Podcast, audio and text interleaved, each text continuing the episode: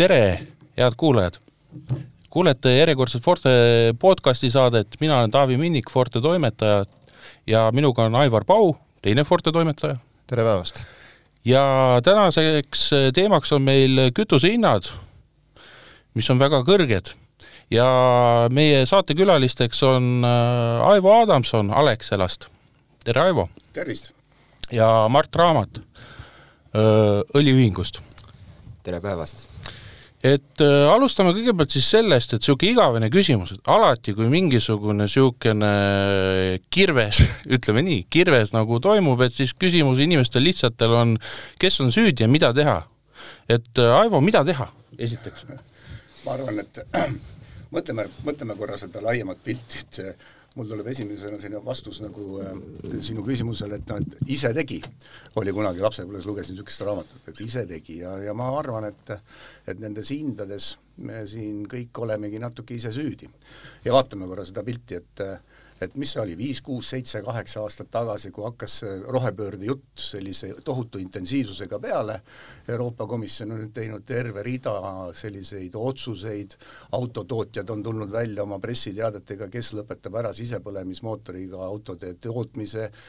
nüüd tuli hiljuti alles välja nädal aega tagasi kuskil, et otsustati ära, et kaks tuhat kolmkümmend viis enam ei tohi üldse sisepõlemismootoriga autosid arvele lausa võtta, et noh, et niisugused sellised otsused ja nüüd ma, kui ma astuksin nagu sammu nagu sinnapoole, kus siis nagu nüüd naftatootjad on, naftapuurijad, siis äh, fossiilsete kütuste müüjad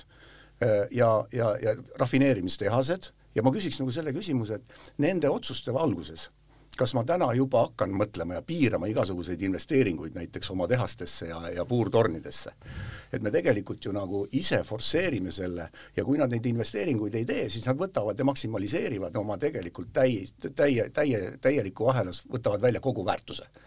ma nüüd spekuleerisin, eks ole, natukene, aga see on fakt, et noh, mina tõsiselt mõtleksin, kuidas ma tegelikult peaksin ümber profileerima, mis ma teen selle naftaga. ma võtangi maksimaalselt, lisaks seda on võib-olla praegu naftatootjatel väga hea teha, pärast Covidit, eks ole, oli meil siin paar aastat või oli e-, eriti kaks tuhat kakskümmend, äh, teine kvartal oli päris keeruline olukord, eks ole, et, et naftatankerid seisid lihtsalt reidil ja ja keegi nagu ei võtnud ja korvavad ka seda, eks ole, ja, ja hinnad ongi laes aga mida ikkagi teha, sellepärast et kui me vaatame igasugused kütused, energiakandjad, nad on ikkagi majanduse nagu see, majanduses nad on nagu ikkagi vereks, et ilma nendeta ei saa. No see nüüd oli, et, et ma nüüd ühe põhjuse tõin välja, eks ole, et me oleme ise seda teinud, aga kui me vaatame energeetikasektorit tervikuna, siis noh, nõudlus liigub siit kogu aeg eest ära eks, noh, võtad sa elektri, võtad täna veel gaasi ja nüüd see Ukraina sõda siia juurde. et, et see, see, see on sul kogu aeg eest ja, ja tootmismahud ei tule järgi. ja ma ütlen ka, et kui te panete aatomijaamad täna kinni näiteks Saksamaal või mis iganes, siis sul tekib ju kohe nagu juba, juba puudu, asemel ei ole midagi tekkinud ja noh, ja küsite, mida teha, noh, eks siin ongi nagu halbadest otsustest tuleb võtta nagu parim ja, ja siin hakkame vaatamegi no aga Aivo, meil ju ka nagu valitsus räägib, et kohe-kohe tulevad mingid vinged nagu tuulepargid Liivi lahele ja nii edasi, et kas oled, see oled, siis pea, pea paika üldse? oled sa näinud neid? Oma silmaga ei ole näinud, aga Kaja Kallas räägib, järelikult tema on näinud. no vaata, siin on, ma nüüd ei ole nagu kriitiline selles osas, et ma, need, neid jah, nüüd kiiremas korras nagu kinnitatakse, aga see on ikka nagu naabri teema, on ju, et, et kõik vajavad tuuleparke, kõik on nõus, et seda on vaja, aga ainult mitte minu aeda. et Mart, teile täpselt sama küsimus, kes on süüdi, mida teha? Ma tegelikult äh, Aivol on see hea mõte, et ise oleme süüdi, ise tegime. Ja, ja ma arvan, et see on väga mitmel tasandil, ta peabki paika, et äh, peab äh, paika poliitikutel nii siin kui sealpool Atlandi ookeani,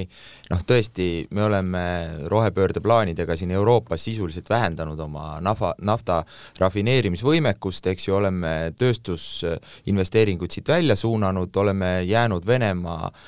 naftale ja naftatoodetele tegelikult Äh, sõltuvaks ja, ja noh, nüüd ongi nagu valu käes ja ja ise oleme süüdi ja noh, suur ja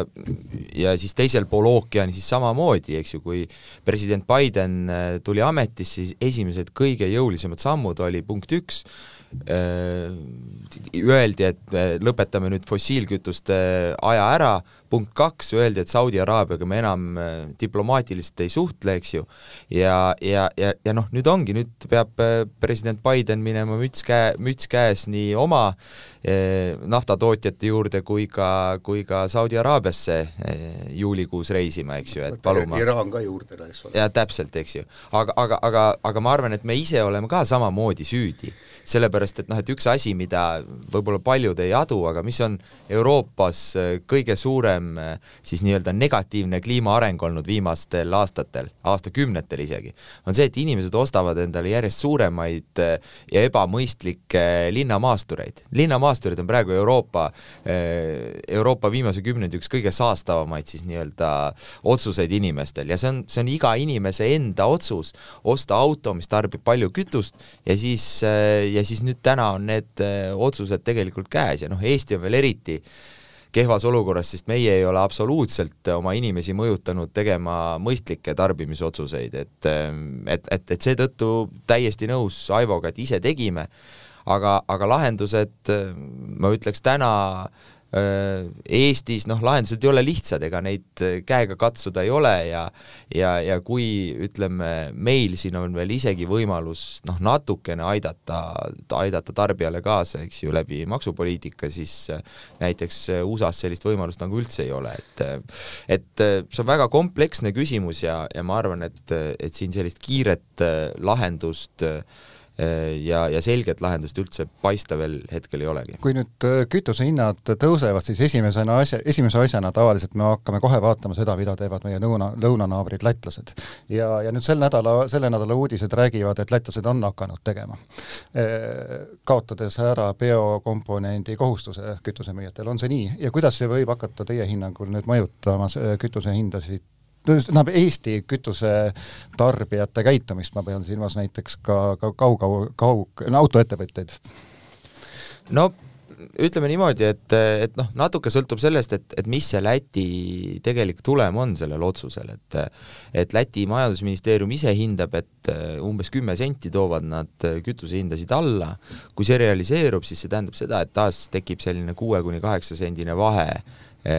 diislikütuse puhul, eh, mootori bensiini puhul on kakskümmend senti, ütleme, hinnavahe Eesti ja Läti vahel. aga diislikütuse puhul noh, me oleme näinud, mis juhtub siis, kui sul on suur hinnavahe. kohe lähevad tank, vedajad lähevad Lätti tankima, kohe viiakse siit hea mitukümmend miljonit äh, liitrit äh, meie riigieelarve laekumistest ära, me räägime ikkagi siin äh, kümme pluss miljonit eurot, eks ju, ja, ja, noh, see ei ole nagu midagi uut, see ei saa nagu kellelegi nagu üllatusena tulla, et see, see, see, see käik on läbi tehtud ja läbi tehti ka see samm, et kui meil on Äh,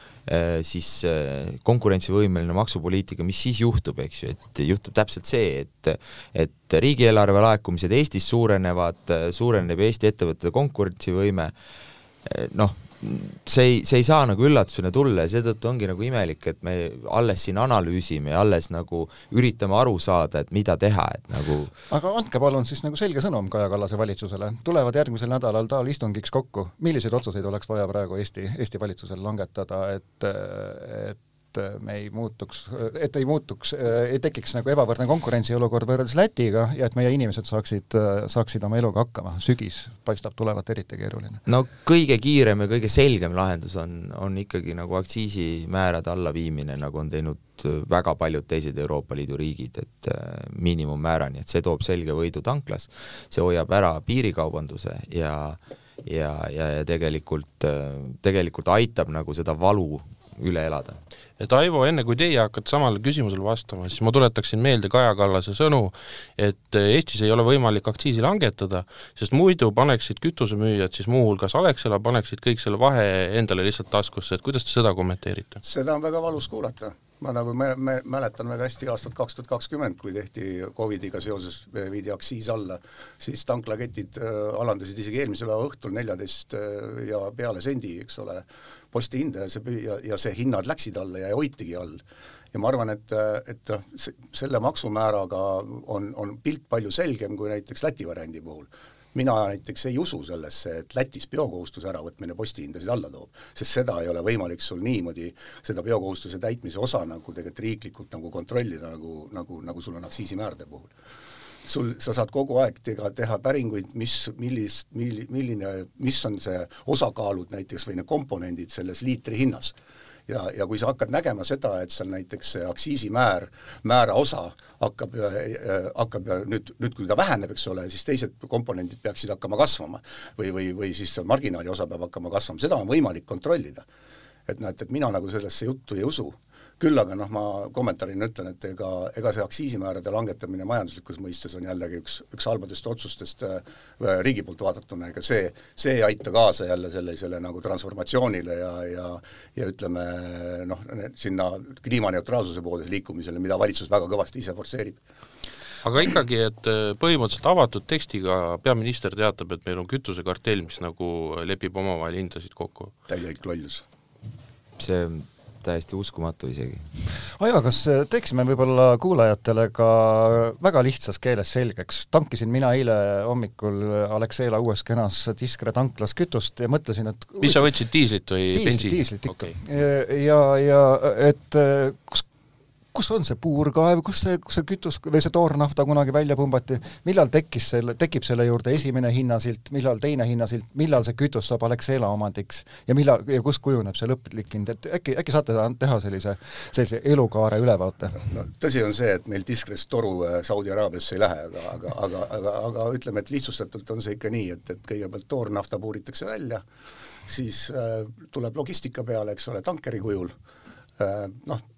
ilmselt on mingid varud ka vahepeal, eks ole, kuskil hoitakse neid, seda, seda toornaftat, siis see läheb äh, logistiliselt tankuri peale, tankuritest liigub ta tegelikult äh, rafineerimistehastesse, siis noh, näiteks konkreetselt meie puhul liigub ta siis nagu Mažeikusse, Orlenisse, eks ole, ja rafineerimistehas hakkab nüüd töötlema seda toornaftat ja tegema erinevaid tooteid, eks ole, teeb bensiini, teeb, teeb diislit,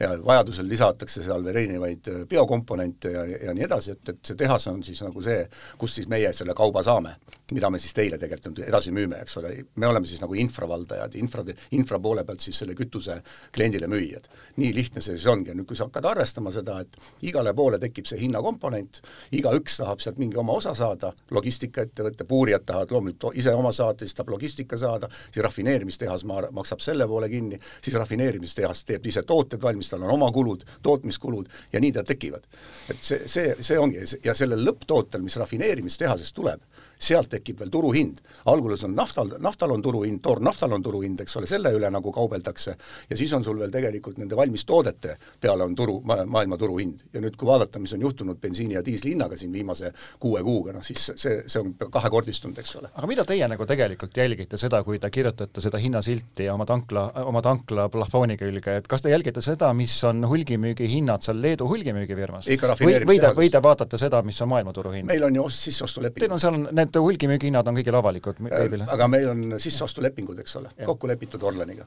ja, ja me jälgime selle valemi järgi, rafineerimistehas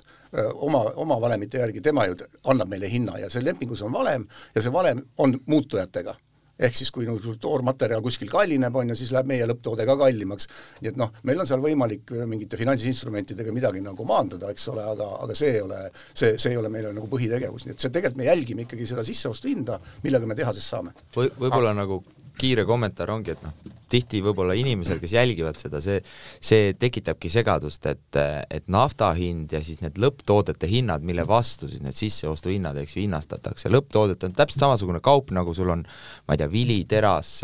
mis iganes, et seal ku-, seal kujuneb ka maailmaturu hind, eks ju, ja see kujunebki siis nii-öelda rafineerimistehaste konkurentsis, eks, ja, ja, ja tegelikult see, mis viimase kolme kuu jooksul, nelja kuu jooksul varsti juba on, on toimunud, ongi see, et sul, kui nafta hind sul tõuseb sellise eh, suhteliselt stabiilse kaarega, siis eh,, siis lõpptoodete hinnad nagu lihtsalt plahvatasid. ja üks põhjus on ka selles, et eh, Euroopa väga suures mahus importiski Venemaa lõpptooteid, näiteks Suurbritannias neli, kakskümmend viis protsenti Suurbritannias tarbitud diislikütusest tuli otse Venemaalt puhta tootena ja pandigi siis seal nende oma tanklates müüki ilma, ilma rafineerimiseta. ja, ja võta üks näide, võta see näide näiteks, kui Porvos on Nestel, eks ole, rafineerimistehas. Kui ta enne tõi kuue tunniga naftat Venemaalt, eks, noh, siis mis sa nüüd arvad, kui, kui pikaks läks meil see teekond, kui sa tood nagu näiteks Saudi Araabiast et noh, et, et see on vist nelikümmend kaks päeva, eks. nii et noh, ja nüüd arvesta nüüd see kulu sinna juurde, on ju, nii et noh, et nii nad kujunevad ja meil pole siin, ühesõnaga oleme valmis nagu rohkemaks maksma. ja nüüd ma selle kartelli küsimuse juurde veel korra, mis ma ütlesin, et no Kaja Kallas ütles lolluse välja seal, et noh, mina, ma, ma, ma, kui te, kui te turul käite, kas sa, sa olete tähele pannud, et noh, et, et kartuli hind on kartuli hind ja need müüvad kõik ühe sama hinnaga, seda kartulikilo. miks siis seal ja küll, küll aga turgude vahel,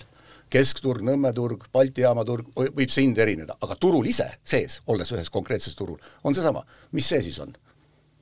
Oota, Aivo, nüüd te panete meid turumüüjaid ka kahtlustama. no aga, aga, aga no kuule, aga no, no aga nii on ju. aga seal veel kaks tädi Maalit võivad omavahel veel paremini kokku leppida, eks ole. aga tulles korraks hinna juurde veel tagasi, ühesõnaga see kütusehind, mida me näeme anklas, see koosneb siis leedulaste poolt määratud hulgihinnast, Kaja Kallase valitsuse määratud aktsiisist, pluss Alexela väiksest kasumimarginaalist, et seal on veel käibemaks tuleb kõigele otsa, et, et ära seda unusta ära pluss käibemaks. et, et ainuke asi, mida siis meie võimuses tegelikult muuta, on see, on, on mõjutada meie valitsust. Nojah, ma, ma ise nagu, kui ma, ma, ma nüüd kütusemüüjana jah, ütlen, et kliendi poolt vaadatuna see on lühiajaline, see aktsiisimäära langetamine tegelikult. Okay.. samas majanduslikus mõistes mina ei pea seda väga otstarbekaks jälle, et noh, et äh, sa pead nagu leidma mingisuguse, vaata, kui, kui nüüd räägitakse nagu nendest abivajajatest, siis abivajajaid, millegipärast kõik ütlevad, et tuleb sihitult aidata. aga keegi pole alustanud seda sihitult aitamist, eks, inimeste aitamist. ma ei ole näinud, et keegi Maksuameti andmetega töötab, ma mõtlen seda, et korvata nagu energiahindasid või, või kellele abi nagu osutada, eks ole. aga kas see on nagu selge, nagu. kas on üldse selge, keda nagu tahetakse aidata, on see see ettevõtja, on see siis kõige, kõige vaesem? mina ei ole seda aru saanud. ja, ja, ja tegelikult nagu hea näide on ju, kui eelmine aasta üritati inimesi aidata läbi, läbi toetuste jagamise kõrgete siis eh, elektrihindade ja, ja gaasihindade toetuseks, noh, see oli tegelikult ju, tegelikult täielik fopaa, mis juhtus, eks ju, et inimesed seisid järjekorras nagu nõukaajal kaubanduskeskustes, et saaks mingisuguseid pabereid täita, et noh, et et tegelikult ongi, et sul see maksulangetus on, on noh, selline universaalne meede, mis kindlasti jõuab abivajani. aga, aga ma, ma korra tulen nagu siit, siit nagu tagasi, et noh, tegelikult see, mida me Eestis nagu näeme täna, et et mitte üheski arenenud riigis pole nii labast maksusüsteemi transpordile nagu meil ehk siis me maksustame ainult äh, tarbimist. ja, ja kui mujal riikides on sul, eks ju, sul on ummikumaksud, sul on äh, automaksud, äh, luksusmaksud, eks ju, teekasutustasud, mis nagu aitavad, annavad võimaluse nagu tegelikult ka sellist ähm, ebasoodsat tarbimist nagu mõjutada Käit,. No, käitumist suunata. täpselt, käitumist suunata, meil tegelikult see puudub, et noh, et et hea näide ongi see, et et tõesti mingisugune selline mugavussõit, et kui sa tuled Tallinna kesklinna, sõidad oma suure maasturiga shoppama, eks ju, noh, see, see peaks olema kõrgemalt maksustatud äh, kui see, kui sa tõesti käid Valgamaal, käid äh, iga päev nelikümmend kilomeetrit tööl, eks ju, aga meil see ei ole nii. ehk siis nagu Eesti on pikad, pikkade aastatega on ennast nagu nii auku mänginud oma noh, tõesti sellise nagu nagu, nagu nii lihtsa maksusüsteemiga, et, et täna meil maksabki see lihtne inimene tänu sellele maksab kõrg-, noh, aktsiisi mõistes või me ütleme, maksumäära mõistes, õiglase maksu mõistes, maksabki kinni selle kesklinnas shoppama käiva rikkuri. aga ma nägin siin teatud vastuolu või märkasin, et Aivo, teie ei poolda aktsiiside langetamist, kuulsin ma õigesti? ei no ma ütlen suures pildis, ma arvan, et see on, see on, vot no, Mart ütles õigesti, see on lühiajaline meede, aga see on ka minu meelest negatiivse mõjuga. et noh, et elanikele on ta lihtne ühele, ühe, võrdselt ja kõigile, eks ole, sul on lihtne seda rakendada, tood hinnad alla, jah, see on lühiajaliselt, sa võid seda teha, no Saksamaa tegi et siis riigi rahandusel on sellele negatiivne mõju? jah, ja, ja riigi rahandusel on negatiivne mõju, aga ta ei aita ka inimest tegelikult käituma veel teisiti, nagu mida Mart välja tõi. ma, ma lihtsalt ühe, ühe näite toon, endise Maanteeameti juhina, ma mäletan väga hästi, ma, ma olin, pooldasin, ma pooldan täna ka siia näiteks äh, sõidukite maksu. see oli kuskil suurusjärk viiskümmend miljonit oli see seitse aastat tagasi, kui see oleks maksustanud kõik sõidukid, on ju, noh, ükskõik millise valemi järgi. viiskümmend miljonit ja tookord võeti teedeehitusest, eks ole, see teeseadusest välja see äh, osa et, et seitsmekümne viie protsendi ulatuses pidi minema aktsiisirahast, pidi minema teede hooldusesse ja ehitusse. ja see muudeti ära, eks ole. et seda, seda piirangut enam aga ei ole. kui aktsiise mitte langetada, siis milline teie ettepanek on valitsusele? kui aktsiise mitte langetada äh,,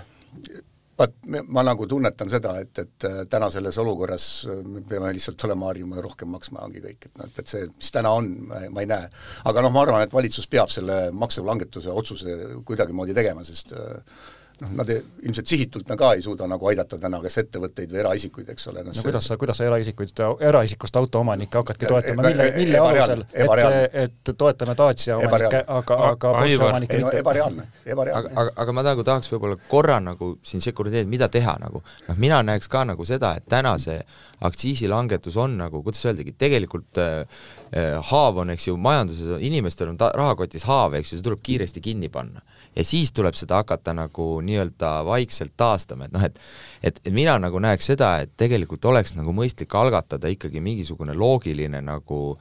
diskussioon selle üle, et kuidas me transporti maksustame. et noh, et me tegelikult näeme seda, et meil see, et me oleme kõrge, noh, me oleme suhteliselt kõrge aktsiisimääraga muidu ka Euroopas, eks ju, täna oleme top viis või top kuus oleme Bensi, aktsiisimääraga. jah, bensiiniga, eks ju, aga noh, diisliga olime ka kunagi isegi top kaks Euroopas, eks. ja see ei ole meile mitte midagi kasu toonud, meie autopark on kõige saastavam Euroopas, eks ju. ja väga vana kusjuures. ja väga vana, me oleme,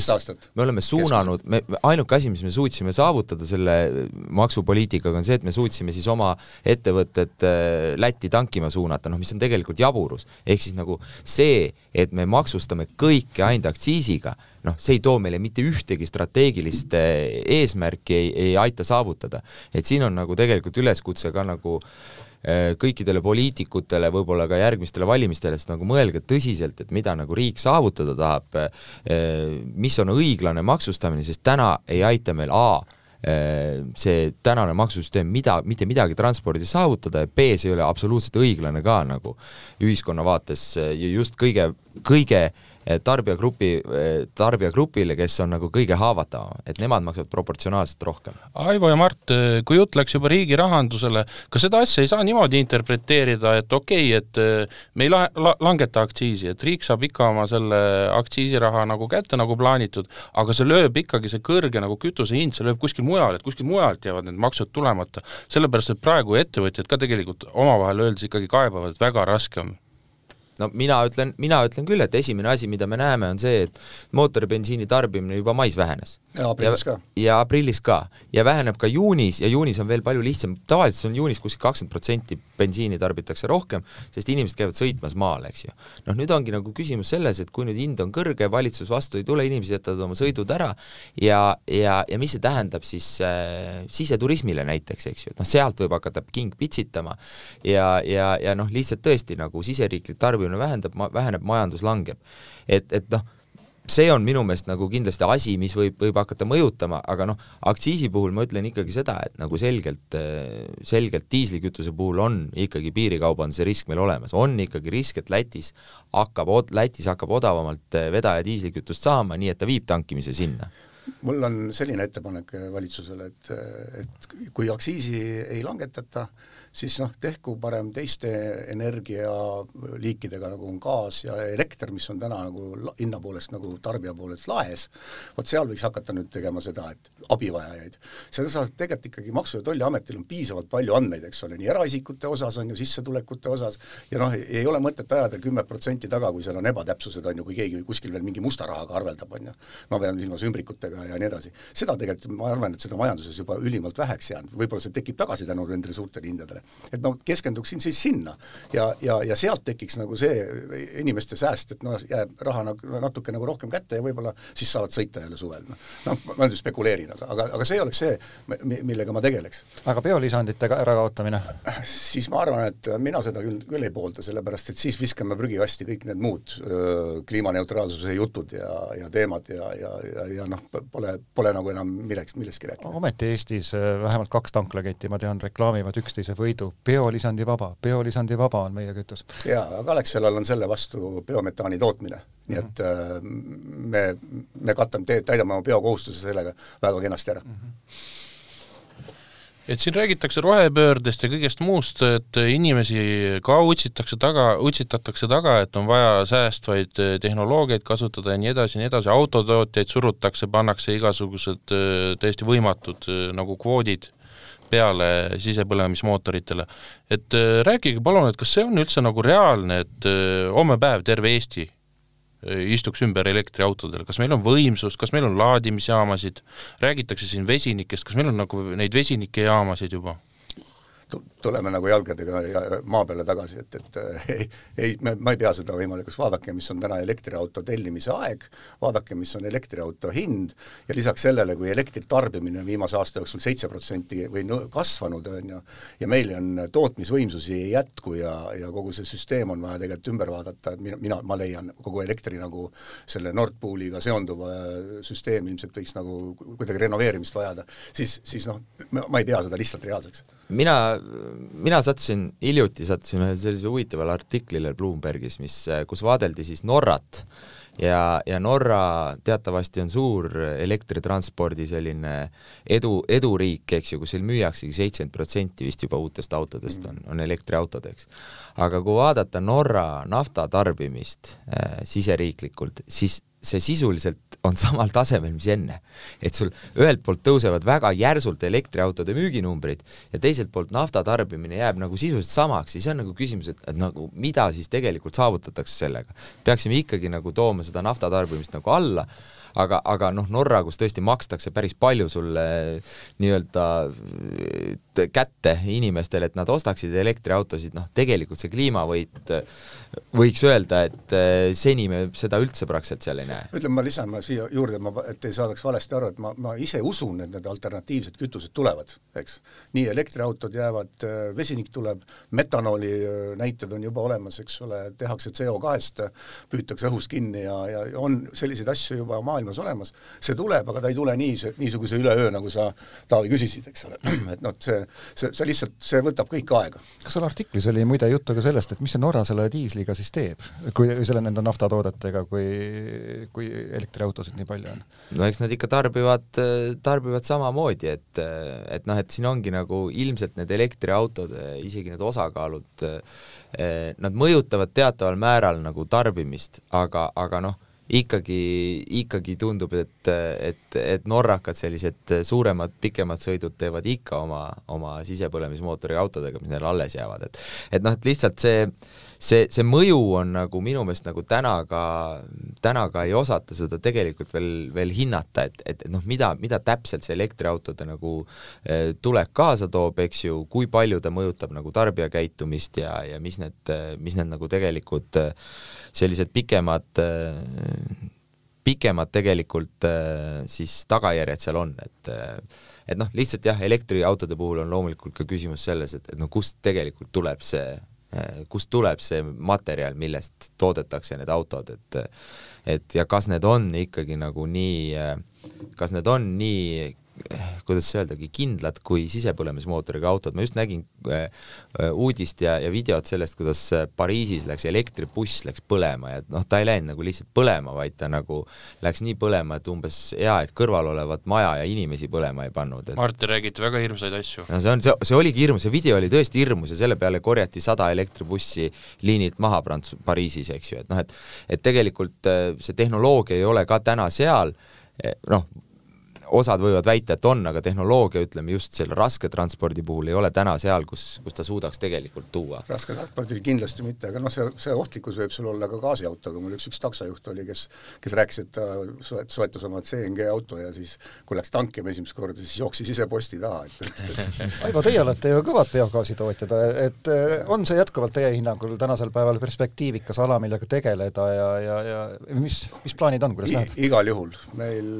noh, Alexela ta koos Infotariga toodab ju tegelikult ühe peaaegu sada gigavatt-tundi äh, bio, biogaasi ja see on peaaegu üle poole kogu Eesti, noh, see on peaaegu pool Eesti turust, eks ole, kokku. ja, ja no meil ju Tartu linna bussid sõidavad ju meie biogaasi peal, me isegi konteineritega viime Oisust näiteks, viime Tartusse jalakasse ja ja kogu Tartu linna transport sõidab ju täna sellel biometaanil. kas ta läheb otse bussi või ta ikkagi ta läheb otse, ei ta läheb, noh, seal on tank, tankuri otsikut, et bussid seisavad. seda küll, ma mõtlen, et ta ei, ta ei lähe vahepeal sinna nii-öelda, teda ei segata nii-öelda Vene gaasiga. me ei, me, me ei lase teda torusse jah, selles mõttes, see läheb konteinerisse sinna, see on tõesti nagu puhas puhas, puhas biometaan. ja, ja, ja ma näen sellel perspektiivi, jälle, ütlen kohe ära, et, et kütuseturgudel ja nendel alternatiividel ei ole nagu seda noh, hõbekuuli, eks ole, et, et ainult üks versioon jääb. ja see gaasiline, see on, see, see on see üks, minu, ma arvan, et see on üks ülemineku asi ja see jääb. kui hakatakse nagu ikkagi nagu jäätme, jäätmetest äh, tegema ja kütust, et noh, et, et see on niisugune perspektiivne asi ja me näeme, et see toimib. praegu on väga trendikas sulgeda gaasikatlamaajasid ja teha selle asemel äh, graanulipõhiseid äh, katlamajasid, et kas me suudaksime kunagi hakata nii palju biogaasi tootma, et see võiks ja, ja Aivar, kui õlile minnakse hoopis tagasi. Mis on väga huvitav nähtus, sellepärast ma mäletan, kahe tuhandendatel aastatel räägiti, et kütke elektriga, kütke gaasiga, see on odav, see on kasulik no nüüd on kallis ja, ja. ongi kallis. Harku vald Tabasalus pani gaasikatlamäe kinni, meil on nüüd pelletikatlamäe, tossab ja müriseb.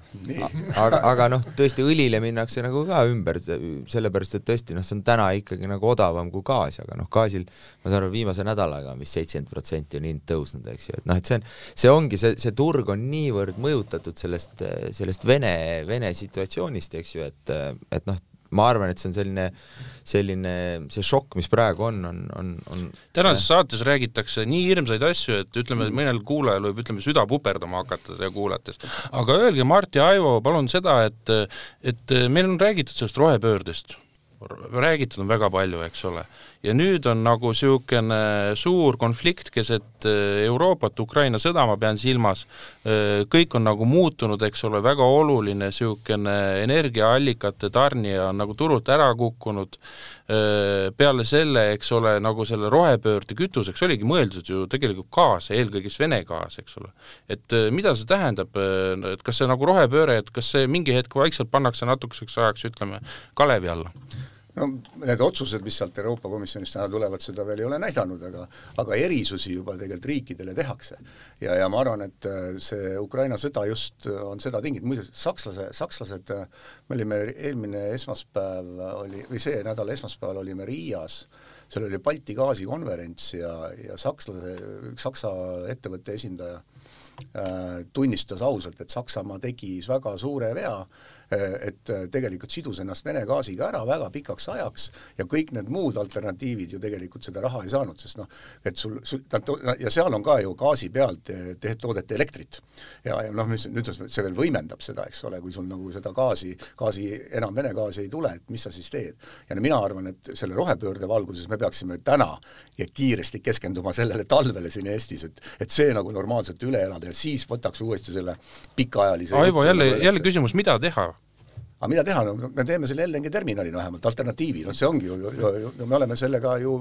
kõvasti nagu sees ja üritame teha seda. et siin näiteks Ida-Virumaal on ka, Ida-Virumaal on ka räägitud nagu, et need on kõige nagu niisugused äh, kvalifitseeritumad töökohad, mis on seal põlevkivitööstuses, ja nendel inimestel on kümme aastat räägitud, et äh, varsti see kaob ära, neid inimesi enam ei lähe vaja, teie põlevkivi ei ole ka enam kellelegi vaja, varsti on Liivi lahel kõik äh, tuuleparke nii paksult täis, et inimesed ei mahugi oma paatidega sinna. et äh, öelge seda, et kas, kas see muudab ka ütleme, suhtumist sellesse, mis on meil räägitud viimastel aastatel põl-, põlevkivisse, mis on meie nagu niisugune kodumaine niisugune energiaallikas? me pole kunagi väitnud, et see ära kaob, seda põlevkivi on võimalik lihtsalt väärindada teistmoodi. no igast aktivistid on seda väitnud. nojah, see on et, et ma... Alexela ja Tehnikaülikool on selles osas väga eesrindlike projektide praegu läbi viimas. just, seda ma just tahangi öelda, et aga noh, see on jälle, eks ole, need on uuringud ja pikaajaline nagu selline tegevus.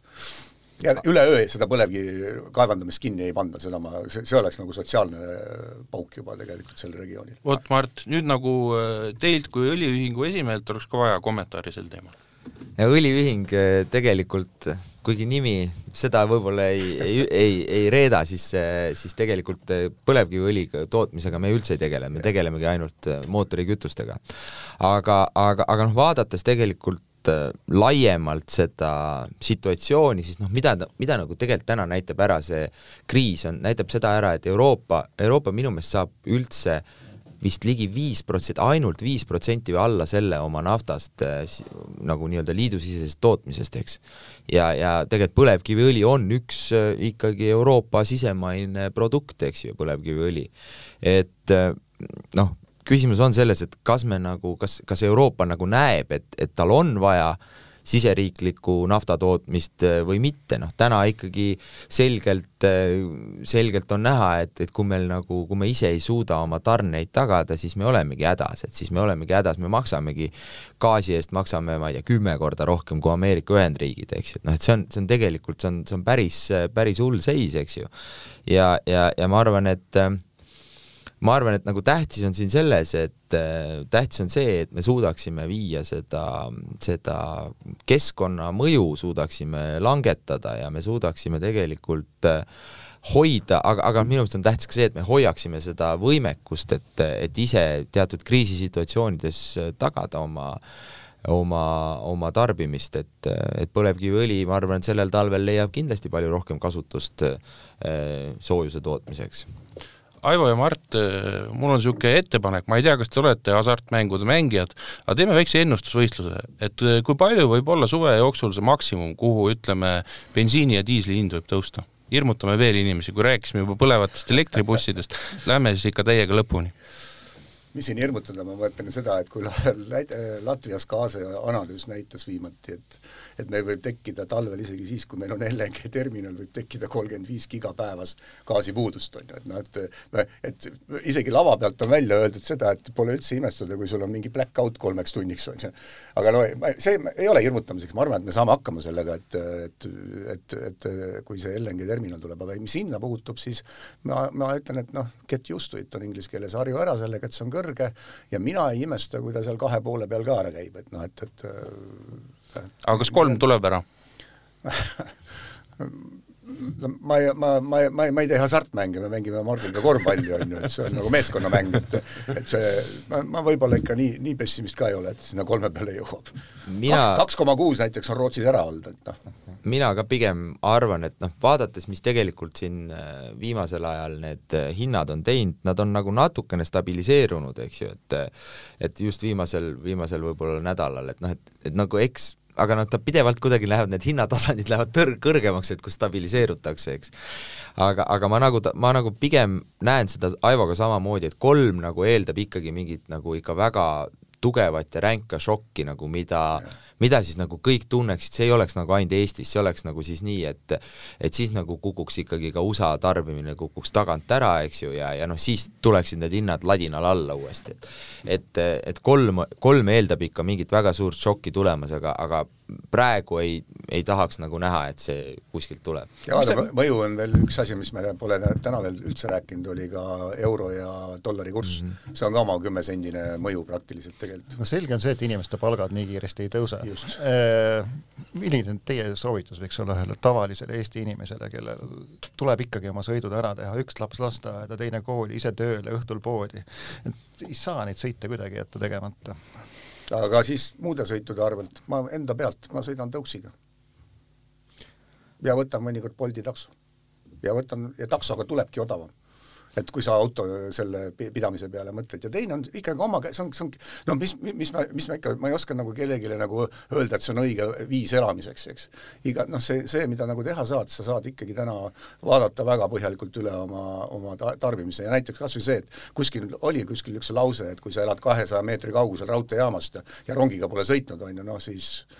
tee siis nagu see üks linna, linnadevaheline ots äh, rongiga, kui sa saad Kas teha seda. nüüd ongi jõudnud kätte aeg, et hakkamegi nagu ühistransporti ka nagu päriselt kasutama rohkem? aga mina arvan, et selle, sellega tuleks hoopis väga jõuliselt tegeleda, et, et see muutuks äh, nii, kuidas elanikkond täna oma liikuvusega on muutumas nüüd logistiliselt ja kuidas infra on arenenud, siis see transport tuleks ka vastavalt nagu liikuma panna. ja ma ei ole, ma ei tea, kui palju on nagu Tallinna linnatransport näiteks teinud uuringuid selle kohta ja et noh, mõned bussid sõidavad nii, nagu nad sõitsid liidu aega, eks ole. jah, ma põhimõtteliselt olen äh, Tehnikaülikooli neid äh, igasuguseid uuringuid näinud, et tõepoolest, Aivo, teil on täiesti õigus, et põhimõtteliselt meil on needsamad samad, eks ole, nõukogudeaegsed liinid jäänud, eks ole, neid on, neil on väiksed mingisugused kosmeetilised muudatused, paar peatust juurde pandud ja trammiliinid on meil siis põhimõtteliselt needsamad, mis üheksateistkümnenda sajandi lõpus no vaatame, ma ütlen, et noh, jällegi ma vaatan oma endise riigiameti poole pealt, et siis oli veel olukord, kus sul nagu buss tuli rongijaama ja rong oli läinud ja, ja noh, ma arvan, et nüüd on vähemalt ära match itud, eks. aga, aga, aga noh, sellised situatsioonid olid äh, seitse-kaheksa aastat tagasi. et noh, et hakkame sealt pihta ja, ja, ja vaata, linnas saad sa samamoodi, kui on sul laagris näiteks olemas väga suur plats, üldse, on ju, me, kuhu linna, kuhu ühistransport peaks kindlasti ulatuma, on need eramajad, eks, kes sõidavad kõige rohkem autodega, need, kes tulevad sealt väljapoolt noh, Lähi-Tallinnast, eks, Tallinna lähedastest piirkondadest, on seal Suurupi ja, ja ja, ja Peetri ja nii edasi, ta noh, kuidagi nende asjade lahendamist tuleks hakata mõtlema.